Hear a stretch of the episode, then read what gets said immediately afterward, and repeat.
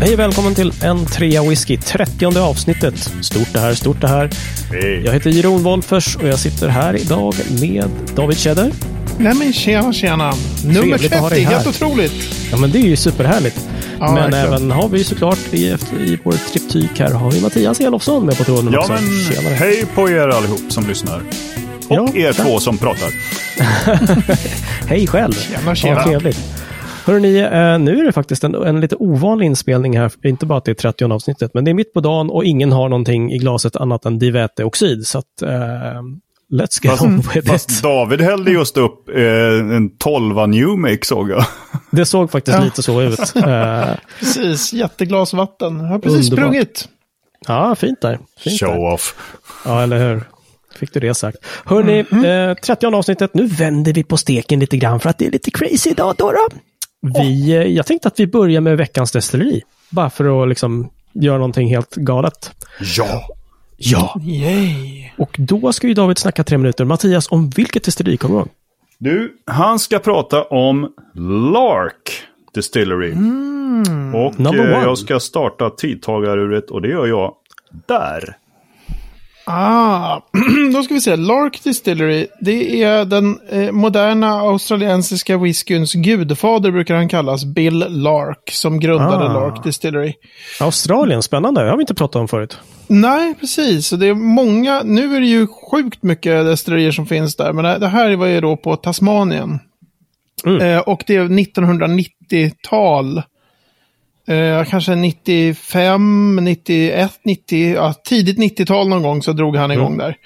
Eh, och han var till och med tvungen, för han fick den där idén under någon så här fisketur har han berättat om. Att så här, men vadå, vi har ju korn och vi har ju massor fat från den egna vinindustrin bland annat då. Eh, och vi har ju kunskapen att destillera, så varför finns det ingen australiensisk whisky? Bara let's do this liksom. Befogad fråga. Då var han tvungen att en, få, få till en lagändring först för att få destillera på så små pannor som han ville ha. För han hade ju inte råd att dra igång liksom ett jätteindustriellt destilleri. Så han var tvungen att ändra lagen för att se till att få en Jäklar. lagändring. Det var lite kul.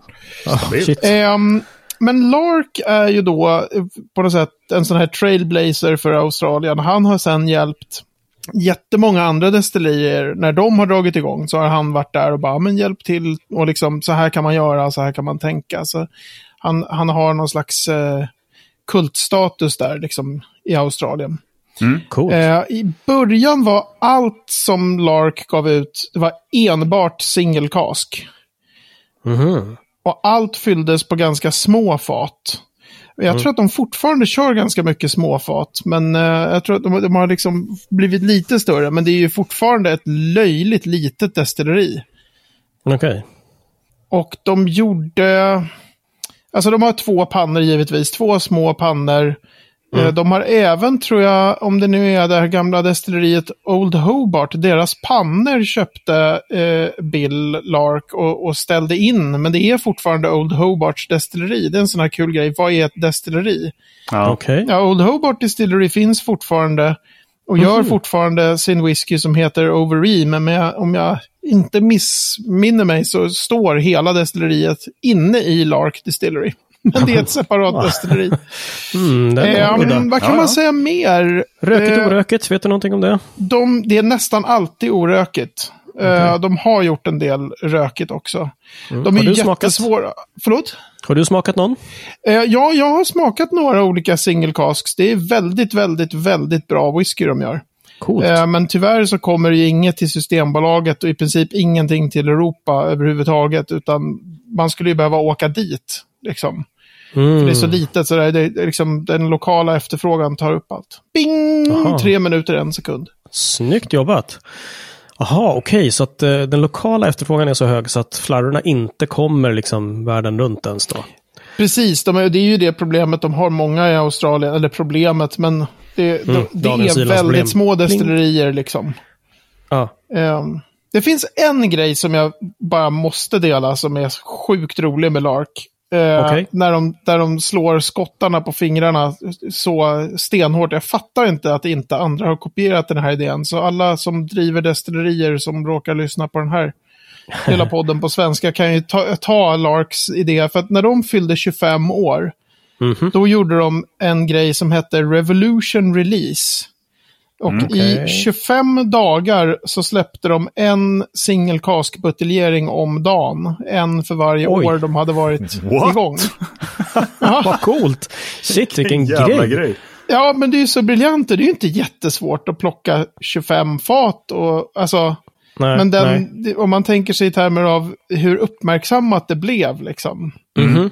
Och då kan man tycka så här, eh, klart att eh, Ardbeg kanske inte skulle kunna släppa 1815. Eh, har släppt 1815 single casks där eh, 2015 när de fyllde eh, 200. Men just den här att köra liksom, ja men nu är det 200 år sedan vi grundades. I 30 dagar så släpper vi en single cask om dagen på hemsidan. Det är inte liksom, det är inte omöjligt att göra. Nej, fast det skulle smälla ganska högt alltså. Det Shit, skulle ju smälla vilken hype. hur otroligt högt som helst att göra en sån grej. Så Ja. det tyckte jag var skithäftigt. Men så, Ja. det, jag försökte aldrig ens klicka på dem där för att det var ju, de kan ju inte frakta liksom. Från Australien till eh, in- EU och tullregler och sådär. Men jag tyckte Ja. det var väldigt häftigt när de Krångligt. gjorde. Snacka om samlarobjekt och ha alla de 25 liksom. Ja, precis. Oj, det blir nu ju vaknade ordern inom Mattias här. Liksom. Ja, Ja, till sist så han finns där inne. Ja, Skivsamlaren. jo. Ja. ja, exakt, exakt. Ha, vad roligt. Tack för det. Det var ju jäkligt intressant. Jag tänkte att vi ska fortsätta i det icke-skotska tecknet. Eh, helt fräckt faktiskt. För att det finns ju så jäkla mycket whisky ute i världen som vi liksom inte har pratat om ens. Vi har liksom inte snackat särskilt mycket om Australien och så vidare. Eh, Så jag tänkte att vi kanske ska ta ett, eh, eftersom vi kan, tänkte jag säga, ett snabbt varv runt världen. Liksom. Hur, står det ut med, hur står det till med liksom whiskyfabrikationen? Vad är det som står ut och vad är det som, som finns och är roligt? Ska vi, ska vi börja, ska vi hoppa ett litet snäpp bara, eh, ish, till Nya Zeeland? Vad, finns det någon whiskydestilleri där som du vet om, David? Ehm, det fanns väl ett som gjorde någon whisky som heter Lime Burners. Och sen så finns det något sånt här, jag vet inte om de har dragit igång än. Det, det Okej. finns här projekt på gång. Men det är inte som Australien, en stor whiskymakarnation med jättemånga destillerier. Är Mm. Kanske något som jag inte känner till och sen det där andra, eh, liksom vad det nu var för ett. Okej. Men, men, men om vi pratar, om vi bara hoppar tillbaka lite grann, för Lark är ju ett av många destillerier på just Tasmanien. Va? Det finns ju ett antal till, eller hur? Ja, ja, ja. Alltså Australien, det finns hur mycket, eh, alltså. Det finns ju lätt över 20 destillerier som gör maltwhisky i Australien och eh, Okej. förmodligen 40. Mm. Kanske ännu fler liksom. Det är, det är verkligen, verkligen stort whisky i Mm, mm. Australien. Och, eh, problemet är väl att det är liksom, det är Bill och hans fru, det är Bills dotter har dragit igång ett annat destilleri, det är liksom, du vet, paret, Mhm. Dadada, som drar igång mm. ett destilleri. Det är väldigt mycket så här, Småskaligt. det är extremt småskaligt. Alltså de är, Smögen i Sverige är ju små. Det är ett jättelitet, det är mm. Per Kaldenby. Det är hans destilleri liksom. Det är bara han. Just det, just det. Ehm, han kan ju ha sådana här uppdateringar i oktober när det är så här, idag fyllde jag ett fat igen. Typ. Alltså han gör ju det mest hela tiden, men fa- man kan ju titta på fatnumren så är det så här, det, fatnumret är typ 160. Det är ingen, Ja, okej, okej. det är liksom, det är inte några enorma mängder. Just det. Right. Eh, så att de, det, det är väldigt, väldigt, jag är med i en Facebookgrupp som heter Australian Whiskey Appreciation Society. Mm. Där får man koll på den australiensiska scenen, men det är ingenting Som förutom de få säga. större. Ja, det finns några större destillerier. Okej. Men vi Ja. hoppar vidare då. Eh, Vi har ju pratat om den finska whiskyn från mm, Taiwan, Kavalan. Eh, I övrigt den, den eh, asiatiska marknaden. Eh, Japan har vi ju viss koll på. Kina är ju liksom ett svart hål på whiskykartan för min del i alla fall. Ja, skulle inte Diageo sparka igång någonting i Kina tror jag? Man Men kan det är ju, inget man kan som ju är- tänka att det finns ju en, eh, en enorm marknad där. Som, Ja, det finns ju ganska schyssta Verkligen. möjligheter liksom. Mm. Men man kan väl säga så här, det, det brukar ju kallas för världswhisky. Allt som, förut så här, allt som inte var skotskt. Just Mm. det. Och sen blev det ju på något sätt allt som inte var skotskt eller japanskt.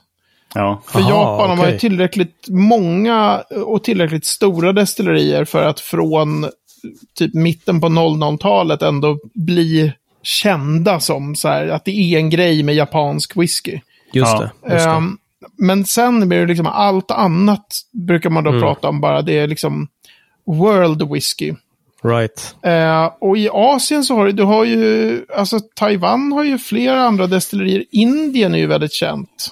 Alltså. Paul John och, och Amrut. Amrut, ja. ju, Mm. Och sen så, hur är det med de här, nej det är Taiwan tror jag, den här eh, Taiwan. Taiwan? Jag skulle Taiwan, säga. Omar, så var det svårt att säga Taiwan. Taiwan. Det finns någon Okej. whisky som heter Omar som är, som är från Taiwan. Okej. Eh, sen finns det säkert mer från Asien, men inget sådär som, jag, som är vidare känt. Mm, just det. Du, om man, om man, eh, vilket håll ska vi ta då? Liksom, jag tänkte att vi var i och för sig i Nya Zeeland och, och eh, Australien och sen så hoppade vi lite norrut. Om vi ska hoppa över pölen, vad blir det, österut då? Och komma till Sydamerika. Ah, America del Sud, y America puedo hablar un poco de español. Jag ska alltid skryta no, om det. no? Por Ja, qué no, no. Alltså, i Sydamerika har en del destillerier, men jag har inte Mm. smakat en droppe. Okej. Och det är inte som med Australien att det är många. Eh, så det finns några. De har ju en, en tradition från tidigare i Sydamerika att dricka väldigt mycket billig blended eh, Jaha. Whisky. Mhm. Så de har haft sina egna grain-destillerier. Så har de importerat det som kallas bulkwhisky från Skottland. Alltså billig, ung malt, Mm. eh, b- så här blended malt. Eh, man får inte eh, importera sånt i bulk. Alltså man, man importerar det i såna här gigantiska plasttråg. Mm. Okej. Ehm, så man får inte, de får inte lämna Skottland i fat då. Så har man gjort sina egna blended. Så att på så sätt så har det ju funnits någon slags whiskyproduktion, men av, av liksom Mhm. inte ett högkvalitativt slag. De, Ja, okej. fokuserar på, de fokuserar på tequilan istället. Ja, precis. Nej, men det- Mexiko som Det är Mexiko, ja, precis. Nej, men det Men- finns några som, som eh, mina barn skulle säga satsiga destillerier. Alltså som, eh, som är på gång. Okej. som har liksom kopparpannorna och, och, och kör seriöst så. Men det, det är väldigt, väldigt nytt. Så det är, det är en ung del av världen i termer av whiskyproduktion. Mm. av Det var- malt whiskyproduktion då. Spännande. Vem som blir liksom det, det mest sydliga, kanske då, destilleriet eh, i världen. Ja, precis. Chile det ligger ju finns bra till, va? Är det inte så? Det finns ju några i Argentina, men jag vet inte riktigt var Mm. i Argentina de ligger. Det finns något som heter, tror jag, La Alasana, eller något sånt. Okej. Men som, jag har inte sett en flaska liksom. Nej. Ja. Gud vad spännande. Men om vi drar oss norrut här till Tequila-bältet som sagt då, eh, eh, Mellanamerika. Där kanske det inte heller, eh, vet om du rör på sådär någonting överhuvudtaget? Ingen aning. Jag, jag vet när jag reste runt i Mexiko, då var de väldigt noga med att säga att Mexiko ligger inte i Centralamerika, det ligger i Nordamerika. De var så här Mm, geografiskt väldigt så här, Sorry det här that, är guys. inte... man ska vara Ja. noga med vad det är egentligen Vale, Centralamerika. vale, la, fi, lo finto, lo finto. Men jag, jag, jag tror inte att det finns, alltså det finns säkert något destilleri i Mexiko och sådär. Men det, jag menar, det stora, den stora, när det gäller singelmalt-explosionen, då måste vi ju upp i USA liksom. Just det. Men här kanske man också ska säga om det är någon som lyssnar som vet mera så får vi kommentera gärna så, så eh, det vore skitkul att få reda på fler destillerier i de Ja, absolut. världsdelar som vi, vi nämner. Ja, och gärna så här som ni har smakat. För att jag menar, jag har ju Mm. den här, om man, om man ska få koll på alla maltdestillerier i hela världen, då köper man Ingvar Röndes Malt Whisky Yearbook. Mm. Den okej. köper jag varje år. Den, har, den presenterar alla maltdestillerier på planeten. Wow. Där. Eh, så att någonstans i mitt bokmanus så finns de ju liksom. Men det, jag, jag, det är inte som att jag har dem aktivt i huvudet varenda. Jag har väl inte Ingvar heller. Nej, och det är nästan eh, ett sundhetstecken får jag säga. Men det, det, men det roliga är ju just att, att se när, om folk har även smakat whisky från. För att just jaga fram att det finns x antal destillerier i Mexiko. Det ligger ju en googling bort eller att man kollar i den här Malt Whisky Yearbook då. Just Ja. det. Just men det. absolut. Men hur smakar det, de? Det vore jätteroligt att höra. Men under Bourbon Belt då tänkte jag säga, om vi snackar i USA här, där finns det ju eh, numera också en eh, ganska bra whiskyproduktion har jag förstått. Ja, precis. Alltså de gör ju väl, jag är ju inte så hemma på, på rye och bourbon.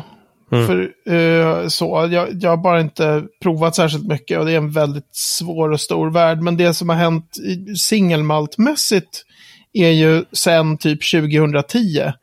Och Mm. på, eh, på en höft så gissar jag att det, jag menar, det finns säkert 200 destillerier i USA som gör singelmalt.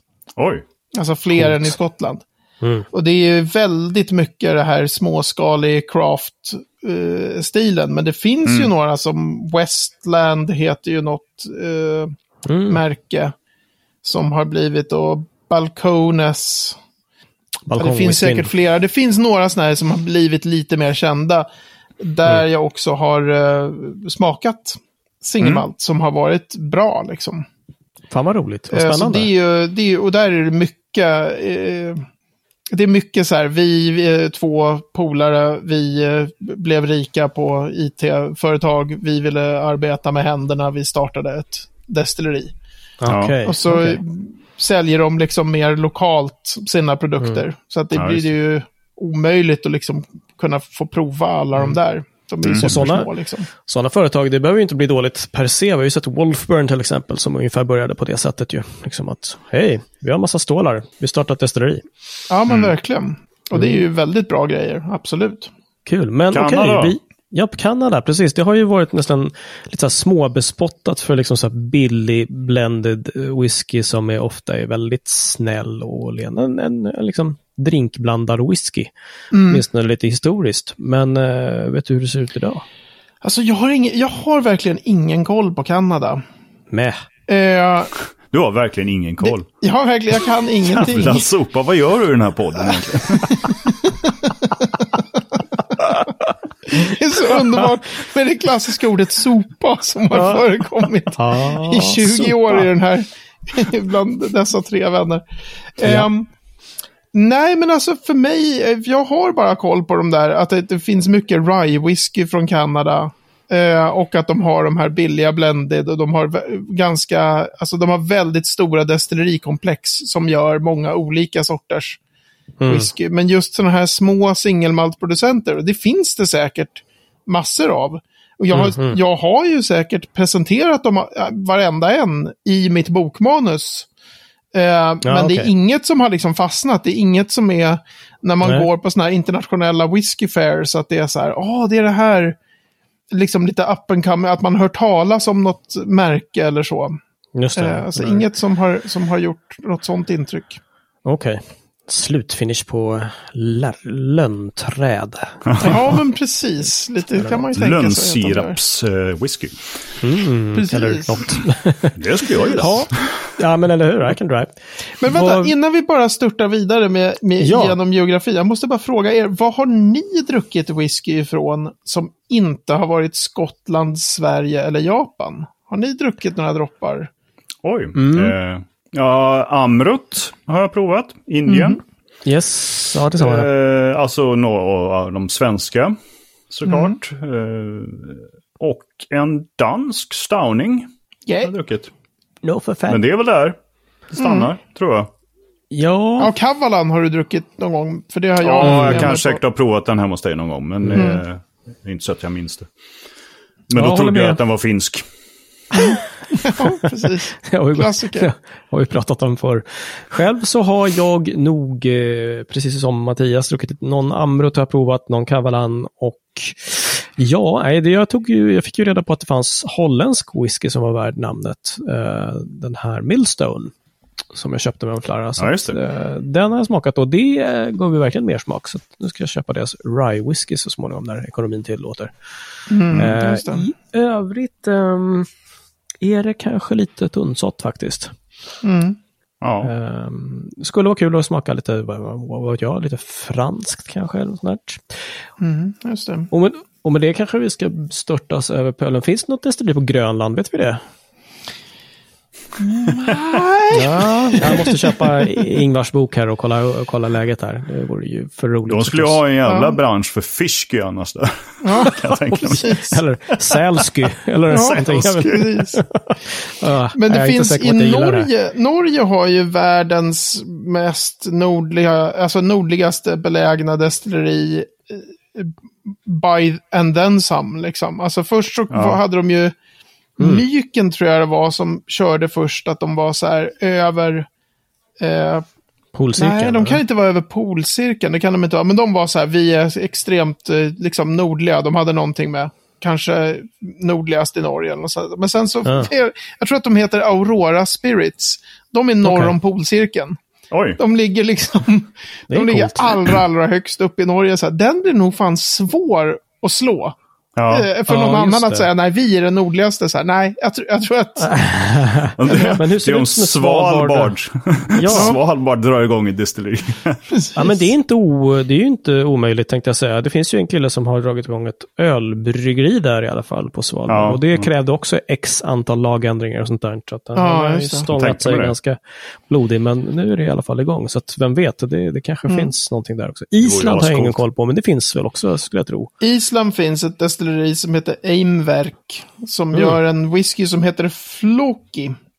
Som Okej. folk brukar eh, säga elaka saker om. Men då tänker de inte på att, att den är ju... Dels så har de släppt den som Young Malt, som två år gammal bara.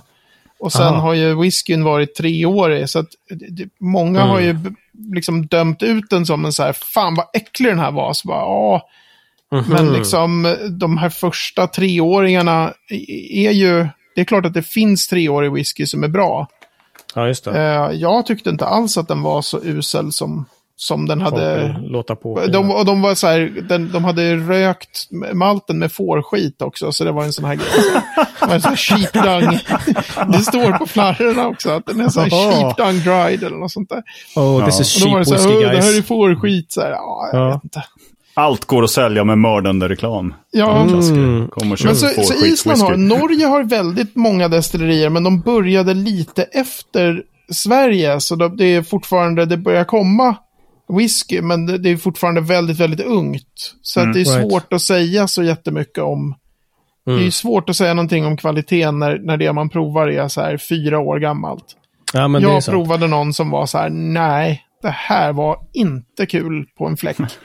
Right. Eh, Men så får man ju betänka, då, inte så här, då var den ju så här ett, tre år och två månader. Så att Ja, men precis. det går inte riktigt att bedöma. Cut them some slack. Men Eller i hur? princip alla länder i Europa, skulle jag säga, Västeuropa i alla fall, har ju destillerier numera. Just det. Mm. Där Men, görs eh, jag- singelmalt. Ska vi, men jag tänkte att vi skulle kanske avsluta här i våra hemtrakter egentligen. Jag tänkte att vi hoppar inte över den här kontinenten Afrika. Eh, vad är det där som kokar? Har vi någon koll på det? Sydafrika tror jag det fanns Precis. eh, någon whisky som...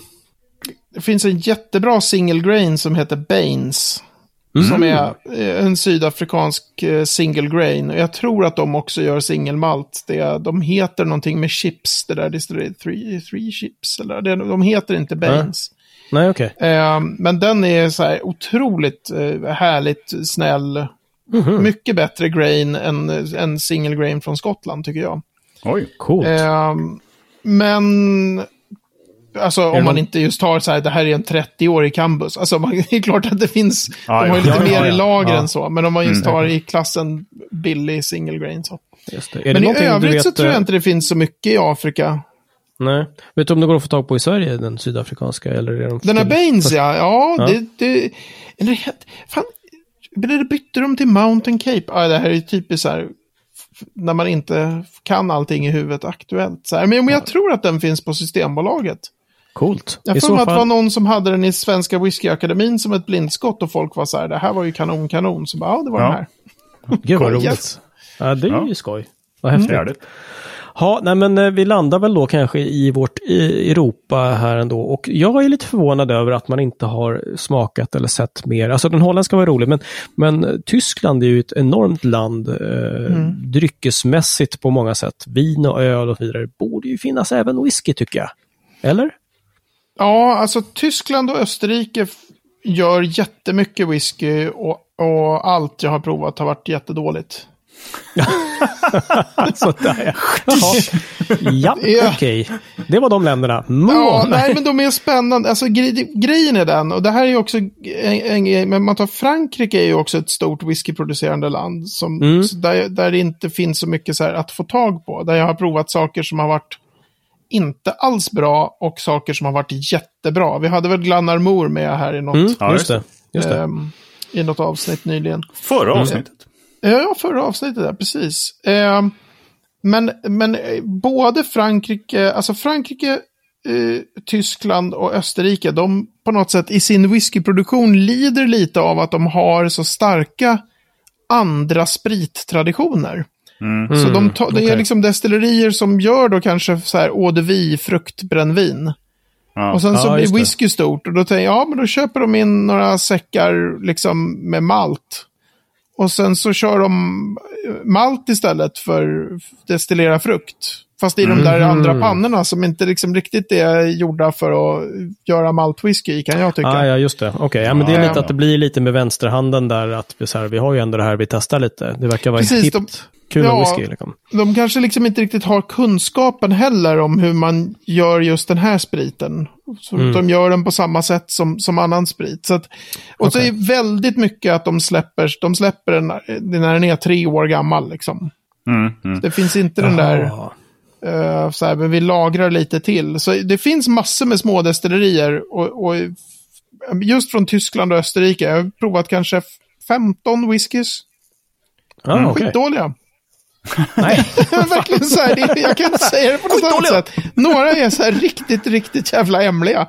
Men det är alla, inte- liksom, är alla liksom tre år då? Eller finns det någonting som är, eller vet, unga? Skulle du Ja, säga? ja, alla är unga. Men det är ju lite märkligt ändå. Man kan, alltså, fördomsfull som jag är så ty- tänker man att tyskarna är ett, ett folk som går grundligt tillväga. Borde de inte Ja. liksom ha bara så här lärt sig bara hur, hur gör man bra whisky? Jo, eller men jag släpp tror att inte det treåriga whisky. Jag tror att det finns några, jag tror att det finns några få destillerier som är lite mer seriösa så att säga. Mm. Eh, Jag har bara inte provat dem. Så att Okej. det, och det är nog också så här att de har dragit igång relativt sent. Men när, Mm. när jag skulle sitta och skriva om alla de här tyska destillerierna efter Malt Whisky Yearbook då, till min uh, whiskybok, då var det ju just så här. Det här destilleriet är grundat 1811 och har pysslat med whisky sedan 2009. Är utrustat med en hybridpanna. Då kommer ju mina saftblandslampor, eh, alla ambulans i huvudet så här. Men gör inte, liksom, man ska inte göra maltwhisky på hybridpannor. Aha, Det är, okej. det är liksom bara nej, köp andra pannor. Hybridpannan, Davids röda skynke. Ja, men faktiskt. Och då, när, särskilt när de gör så här rökig whisky i de där. Alltså det kan bli Mm. så fruktansvärt. Alltså gummistövel och nagellack. Är det saker man vill ha i sin dröm eller? Det är Alltså, jag liksom, vet inte. och någon sån här, den här Ja. torven blir liksom bara en allmän känsla av ostädat rum, smuts liksom. Nej, det är usch, det är verkligen... ja, Du säger ostädat rum like it's a bad thing. ja. but it can be. It can be. Gummi kan också vara nice i whisky, men inte i de där alltså. Nej. Men inte Right. gummistövel. Jag säger nej. Med allt vad det innebär. Nej, just det. Okej, moving on. Jaha, vi har pratat lite snabbt Frankrike. Benelux har vi typ pratat om lite grann. Italien? Någon italiensk whisky som vi känner till? Ja, ehm, vad heter de här? De, de kan vi nästan lägga upp någon bild på i show notes. För det är ett så otroligt roligt destilleri. De heter väl Puni. Alltså själva destilleriet är så otroligt häftig byggnad. Det är en helt kub, en jättestor kub. Okej. Ehm, eh, med väldigt speciell arkitektur så. Och det har jag provat, eh, riktigt, riktigt ung. Eh, och de var väldigt lovande. De var liksom vad så här, ja, men det här kan nog bli bra. Eh, Alltså det var bra, men ännu mer så här med lite år på. Mm, mm. Right. Ehm, men sen Ja. finns det väl ett par till också, men det, de är de jag känner till. Det finns ju något i Spanien också, det har inte varit så här jättekul när jag har provat. Men de kan ju finnas annat, andra utgåvor av dem som, som är bra. Man kan ju tycka att Spanien borde ju kunna dra igång det där ganska rejält. De har ju nära till sherryfaten om man säger så. Eller Ja, hur? Ja men precis. Whisky de Jerez eller någonting. Nej, kanske. Ja, men precis. Ja, sen har vi Grekland, Turkiet och de, de ställena. Eh, Oso. Ja, Ja, precis. Grekland Raki. är Oso. Jag tror inte det Raki finns något Oso. i Grekland. Det fanns förut i, i Turkiet något eh, whiskydestilleri, men jag tror inte, ja, det kan nog finnas något idag. Men det är inget som är så här att man känner till bara, ja, så turkisk whisky. Nej, nej. nej. Det finns nej. ett ganska, ett par spännande projekt eh, i Israel. Eh, Jaha. faktiskt. Milk and Okej. Honey Distillery sägs vara väldigt bra och eh, ett par andra sådär nya unga. Mm. Milk and Honey och Israel. Det ringer en klocka. Ja, vänta nu. Bibeln? Det här är... Ja, det är väl någon gammal sån där 70, gammal bok, ja. tidigt 80-tal eh, Eurovision-bidrag från just Israel, där bandet hette Milk and Honey. Ah, Okej, men... Är... Ja, det är ju också landet som flyter av mjölk och honung i Bibeln. Så jag tror att, jag tror inte att Milk and Honey Distillery tog det från Eurovision, utan, Vad fan! eller Bibeln, man ska säga gamla knows? testamentet kanske. Mer Så knows? jävla knows? populärkulturellt fientlig då. jävla historiker. Då kommer litteratursnobben och historikern och bara ja, första Mosebok. Aha. Ja, jag har läst Okej. tusen böcker. Precis. Och hur många testamenten som... Hör, hörni, eh, vad har vi? Eh, vi letar oss upp vidare genom Europa då. Eh, Rumänien, Georgien, dessa länder. Så Öst, Östeuropa hade ju, de hade ju ett jätterolig, en jätterolig grej i, i Tjeckoslovakien när det fortfarande var Tjeckoslovakien före murens fall. Då skulle de ju göra, visa att, att kommunistisk whisky skulle vara bättre än skotsk whisky. Så de drog igång whiskyproduktion 1989 och så föll Muren. järnridån och de där faten blev bara liggande. Ehm, och de har släppts nu i lite omgångar de senaste åren som då liksom 20 plus år gammal whisky som heter Hammerhead. Okej. Ehm, Yeah. jag har inte provat dem, men jag gillar själva, det är en sån suverän story hur de bara, vi ska, vi ska ha kommunistisk whisky som ska, Ja. och sen bara nej! Precis då kommer det? hela, hela liksom den, den stora revolutionen som svepte över hela Östeuropa då. Så bara, nej, det. det. Det, var ingen som ville göra kommunistwhisky längre. Men det låter ju skitspännande. Det, det gör det ju. Smaka. Ja, ja, den är inte Det kan ju vara hur bra som helst. äh, den har ju inte Eller inte. riktigt, ja, den har inte riktigt sån renommé kan man säga. Sånt renommé. Right. Men, eh, men det vore ju ballt att, att få prova liksom. Eller hur? Ja. Eh, men annars så är det nog inte så jättemycket. Jag känner inte till något polskt eller sådär heller. Jag tänkte just det, smack in the heart of the vodka-bälte. Ja, men Liksom- verkligen så. Eh, verkligen Eh, så. Däremot Norden rysk. har ju mycket och, och försöker tänka om vi har några fler. Nej, men de nordiska länderna har ju en hel del. Mm.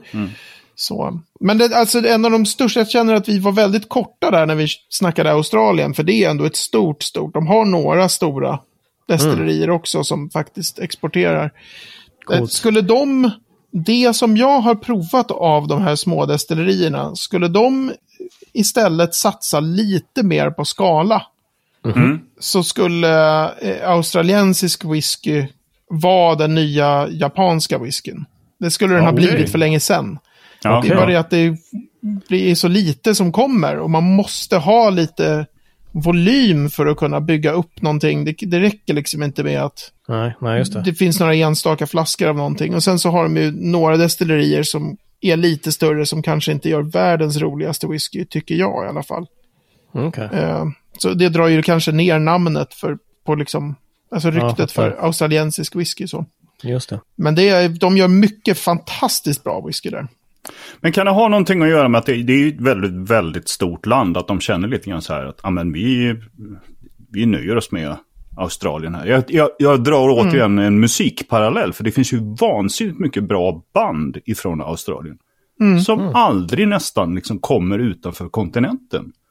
Nej. Men som skulle kunna bli, alltså, ja, in excess världskända. Men annars Okej. så liksom så här bara, ja men de stannar där. För att det, det, är liksom, de, det är nog med att täcka Australien liksom. Ja. När man står där så är det bara, okej fine, vi Ja. nöjer oss där. Ja, Kan men det vara precis. lite samma liksom? man, det är ju fullt möjligt. Och man kan också tänka sig att det finns eh, ekonomiska, liksom, alltså att man inte vill gå bortom det här familjeföretagsstilen. Ja, det. Liksom. det Men, men det, det är ju lite tråkigt när det är så här. Det, för det är en ganska eh, speciell stil de har också. För de har, det görs ju mycket vin i Australien. Så de har mycket det här att de liksom lagrar från början på så här superkraftiga rödvinsfat. Och det är ju en sån vattendelare. Det finns ju jättemånga som verkligen det. hatar rödvinslagrad whisky. Ja. Mm, just det. Jag tycker det kan bli jättebra om det blir bra liksom. Så att det, det kan ju vara sånt också, ett antal fat som det går att få tag på eller så. Men, Ja, men det ja, är ja. tråkigt. Det skulle verkligen kunna bli, nu pratar ju många om indisk whisky eller Mm. kavalan, taiwanesisk whisky. Och sen pratar man om Europa är, börjar liksom, nu börjar destillerierna bli så gamla så några av de här lite mer, igen Mm. då, satsiga destillerierna börjar ju få gott renommé. Mm. Men det. eh, australiensisk whisky har varit skitbra länge. De skulle Mm. verkligen kunna, bara, om de bara kunde femdubbla eller tiodubbla liksom, storleken på några av de där ja. destillerierna. Så. Step it up, Asis. Ja, precis. Eller hur? Exakt så. Hörni, vi var nästan färdiga. Vi pratade lite om Norden också. Jag hoppar vilt över världen här, men det Mm. kan vi göra för att eh, det får vi. Vi snackar om Kavalan, men mer finsk whisky. Nej, fan förlåt. Vi skämtar bara. Vi släpper den nu. ja, vi släpper det nu. Men annan finsk whisky, de borde ju ha samma förutsättningar som Sverige Ja. att få fin, fin liksom. Vad heter de här? Så det finns några som gör en, en rye som jag inte har smakat som har eh, väldigt gott renommé. De heter väl Kyre, tror jag.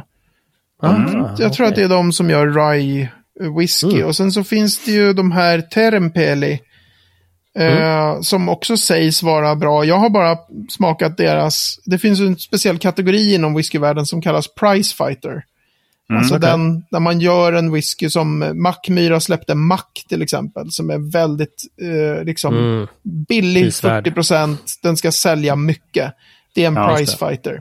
Då måste man ju bedömas som price fighters. Liksom. Man kan inte ja. ta den och sen sitta med en 18-åring bredvid och säga den här 18-åringen är bättre. Det, Nej, ja. Så, ja. men de, de släppte en, en price fighter som heter PRKL, som i Perkele. Ah. Ehm, Skönt. som jag minns, som jag har skrivit om den på bloggen, jag minns som att jag tyckte att den var schysst. Liksom. Och så här, det här var väl bra Ja. i, i den genren av whisky. Ah, Bra nice. bang for the buck. Ja, precis. Som jag minns det i alla fall. Sen kanske man går tillbaka så var det något helt annat. Ah, ja, okej. Ja, och det finns några andra till eh, finska destillerier också. Eh, men inga, jag har inga namn i huvudet, så det där är de jag kommer på. Okej. Vad så med Danmark? Ja, Danmark har... Eh, nej, jag ska inte ens försöka, du kan ju. Danmark har ju flera. De har ju Braunstein och de har Stauning och eh, Färylochan och de har några till sådana här väldigt små destillerier som heter typ så här Lille Gadegård. Och... Men det där är väl de som är kända. Mm. Eh, och det var väl i Braunstein, tänk nu vad pinsamt om jag säger fel i, i podden här. Det var väl Braunstein som, som Diageo då genom Distill, Distill Ventures eller vad de heter. De, de la in eh, x miljoner kronor. Så det blev ett väldigt, väldigt, väldigt mycket större destilleri efter det. Okej. Mhm. Mm. Eh, Hörni, det Ja. är ju så att det tar tid att prata om världen, men jag tänkte stänga världen nu. ja, Om det är okej med er. det nu räcker Sådär ja. Ja. Vi får anledning att återkomma till den, tror jag. Absolut. Och vi uppmanar Håkan. Staff som har druckit whisky från hela världen att, eh, att höra av sig med, med vad han tycker är de mest kuriosa, usla eller bästa. Ja, han det vet vore jag har provat skitroligt. mycket just, han kört så här, åh det finns en burmesisk whisky, den köpte jag. Så Wow, coolt. lite av en sån, Ja, det vore jätteroligt att veta. samlar kuriosa upplevelser. Och då har det blivit dags för ett sent veckans ord.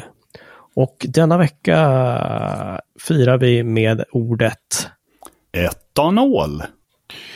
ah, Ah. Etanol. sprit.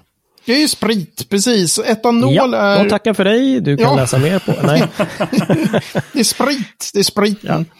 Ehm, det är ju så här att om man, om man är kemist, vilket jag väldigt långt ifrån är, då, då säger man det finns ju ett gäng alkoholer. Just det. Så att när man säger alkohol så är man, från en kemists perspektiv, så är man så här, du är ute och cyklar. Det finns inget som heter det. Det finns en grupp av ämnen som är Just det. alkoholer. Ett, ett samlingsnamn helt enkelt. Ja, men precis. Och då är det, när man säger den här whiskyn har 46% alkohol, det man menar då är den har 46% etanol. Det är den alkoholen som är. Aha, right. Eh, Ja, alcohol in whisky. Sen finns det jättesmå halter eh, även av andra alkoholer i whisky. Men Mm. så att man, man måste skilja på dem där så. Yes. Etanol. Etanol är gott.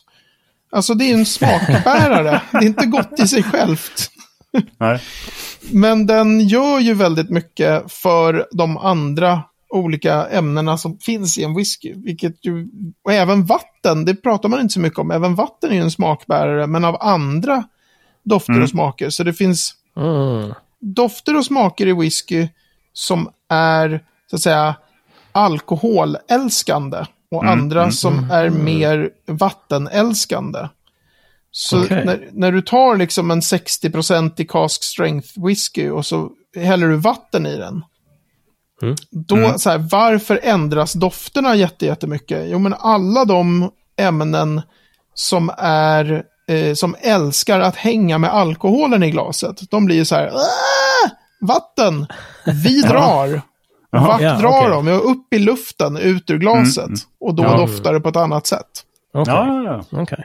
Så att man ska inte, und- alltså man, ofta så säger folk så här, men det är bra med cask strength whisky för, för alkohol är ju en smakbärare. Ja, men det är inte som att det smakar mer av allt ju mer alkohol du har alltid. Utan Nej. det är ju, finns Mm. ju andra grejer som är dolda där under som du behöver vattna för att liksom ta fram. Ja, just det. Okej. Eh, så. Vad kan man säga mer om etanol? Etanol är, eh, har den underbara egenskapen att när man värmer upp den så börjar den förångas vid en lägre temperatur än vatten. Och det är därför destillering är möjligt överhuvudtaget. Ja. ja, ja, just det. Okej, alltså om alkohol hade haft en, en, en eh, kokpunkt på 100 grader så hade det ju inte gått att skilja dem åt genom destillering. Nej, just det. Nej, så den kommer, det. börjar komma liksom alkoholånger innan det kommer vattenånger. Mm. Mm. Och det tar man tillvara, helt enkelt. Det tar man tillvara, precis. Mm, Vad kan man säga mer om etanol? Har ni några frågor? Så ska farbror mansplaina vidare. Alltså, om du tycker att du inte är en kemist, då, Ja, jag vet inte hur långt ner på den skalan jag hamnar då. Det är liksom så här, jag är ner på grannen tre våningar ner här. Ja, just det. Så att, eh, Nej, pass på den frågan.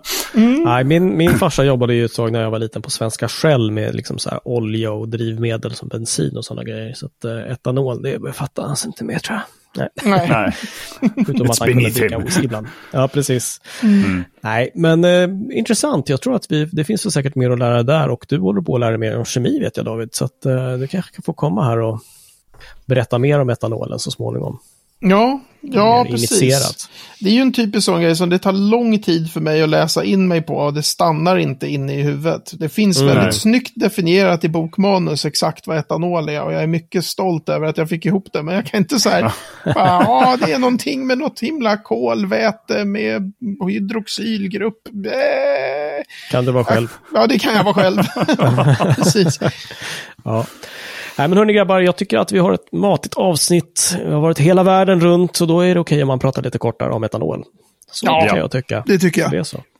Så därmed så stänger vi butiken för idag och på n3whisky.se 30 så kan du som lyssnar läsa mer. Du får länkar kring, till destillerier kring hela jämra jordklotet. Det är ni inte så illa.